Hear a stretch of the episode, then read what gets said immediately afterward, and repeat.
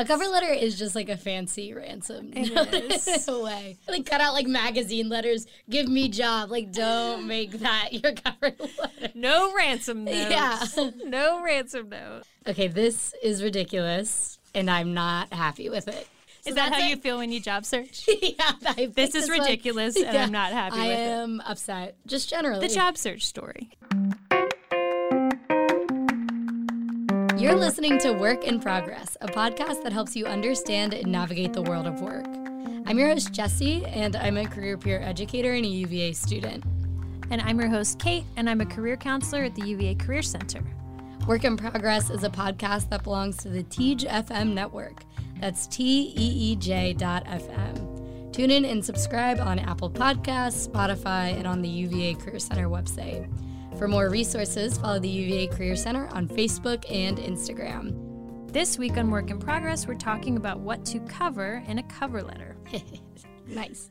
If you didn't catch our last episode on resume myths, take some time to give it a listen.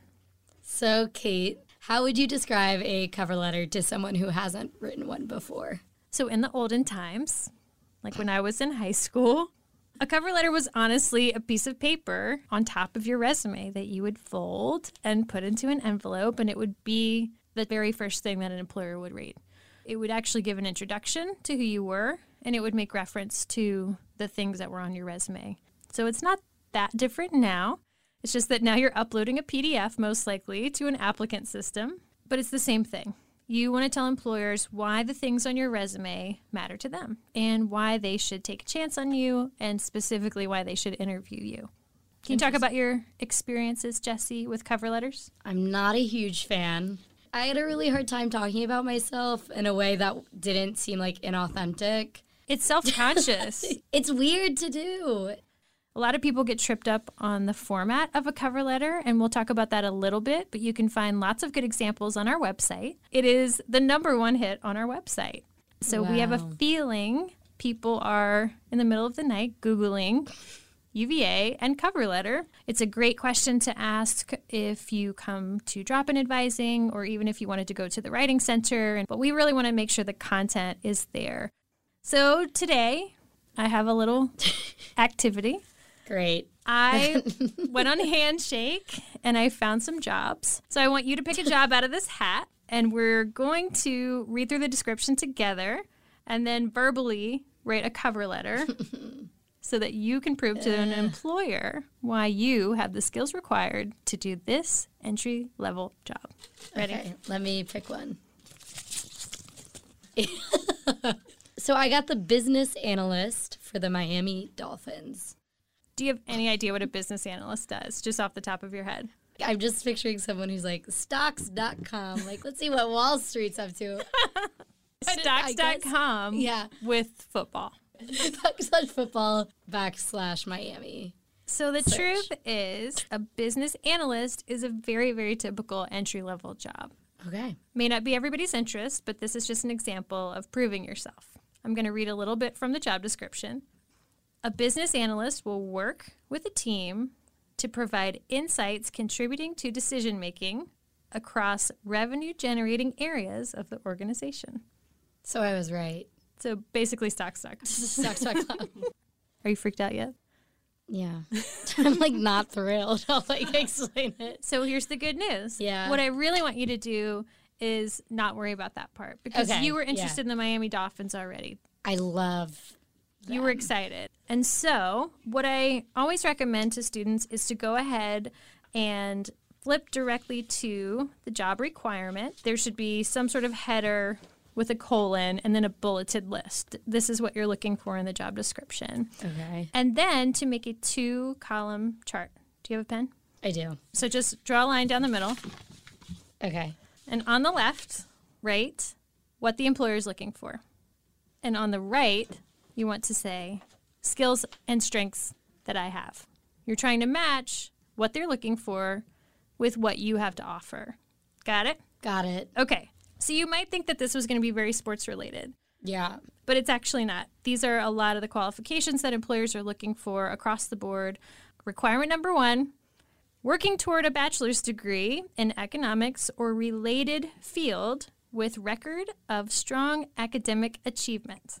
So, getting my degree in econ. Did I know you were an econ major? I don't know. Did you? I don't know. So, check. With strong academic achievement, you know, who's to say? So, some ways you could talk about this would be if you were a fourth year and you were doing some sort of capstone research project, DMP, any of those sorts of things might show a strong record, but you could also just say that you're a hard worker and you have a good GPA. All right, qualification number two Yes. excellent analytical skills. What does that mean? Analytical skills. I would survey people and then I'd curate them and then describe what generally people thought of events. Could I include that? Absolutely. Guess who does events? The Miami Dolphins. You're right. I think that would fall under research and analysis. Now you're talking a little bit about both quantitative and qualitative with surveys, gathering information, synthesizing that information. And for some people, they may have more of one than the other. That's okay. You have what you have, and this is an opportunity to point out what your strengths are. Strong writing and communication skills. Is that something that you have? Um, I'd say so. How do you know? Aren't you a podcast host? Okay, so I'm also studying women and gender studies. So there's a bunch of writing with that. And then I guess for this, I'm talking talking into the void. passionate about solving problems, both as an individual and part of a team. I'm gonna be honest. I'm like kind of coming up with a blank Which one's what- harder? Hmm, team. So, part time jobs. So, you're a career peer educator. You have to work as part of a team. So I intern at the Women's Center. The cornerstone of the Women's Center is like providing opportunities and spaces for all sorts of different people, you know, not just for women to come together and work together and work with problems related to gender. I feel like I could talk about that, but I think what you're getting at is this is a strength of yours. And the whole point of a cover letter is to talk about your strengths. yeah. So, don't backpedal on Okay. talking about your strengths because that's the point. Like that's why we're doing this. And so, some of these other things you might not feel as confident in. Yeah. And so, in your cover letter, it actually would be important for you to focus only on the things you feel most confident about. Okay. Because as we will discuss later, you cannot write a three page cover letter.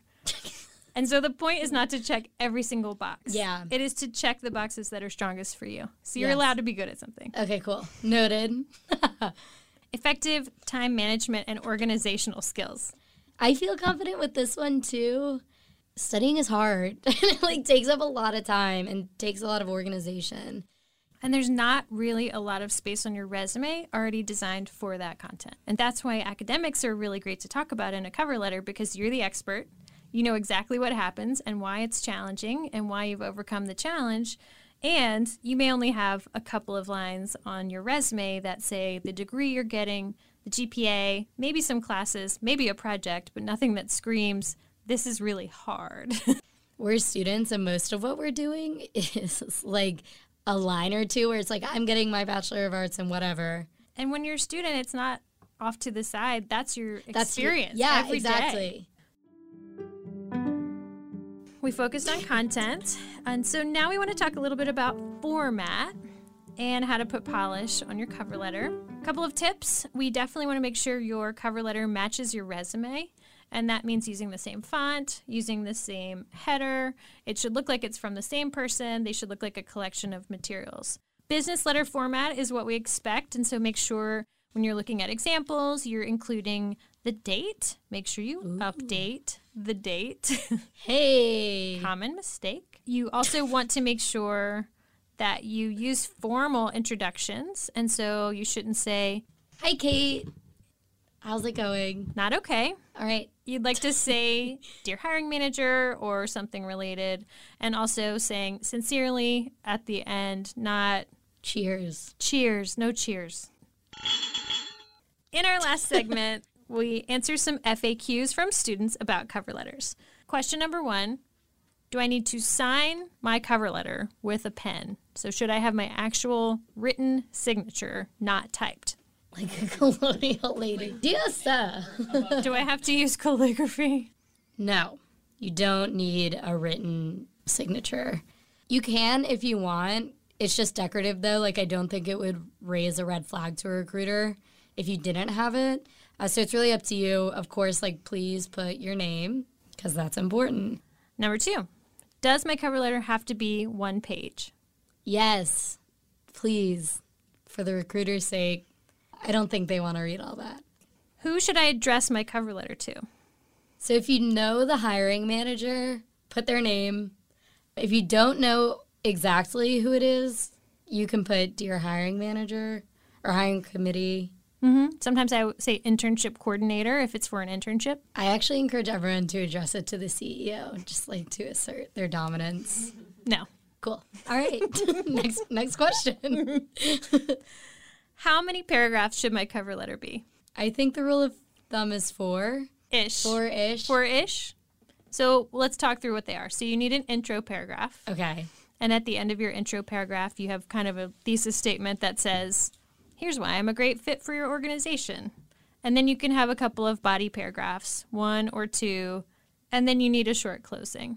Okay. Something that says, basically, I hope you'll interview me. Okay. And you can look at more examples on the Career Center website. What are some things I should definitely avoid putting in my cover letter? Don't put a heart at the end of it. Like love.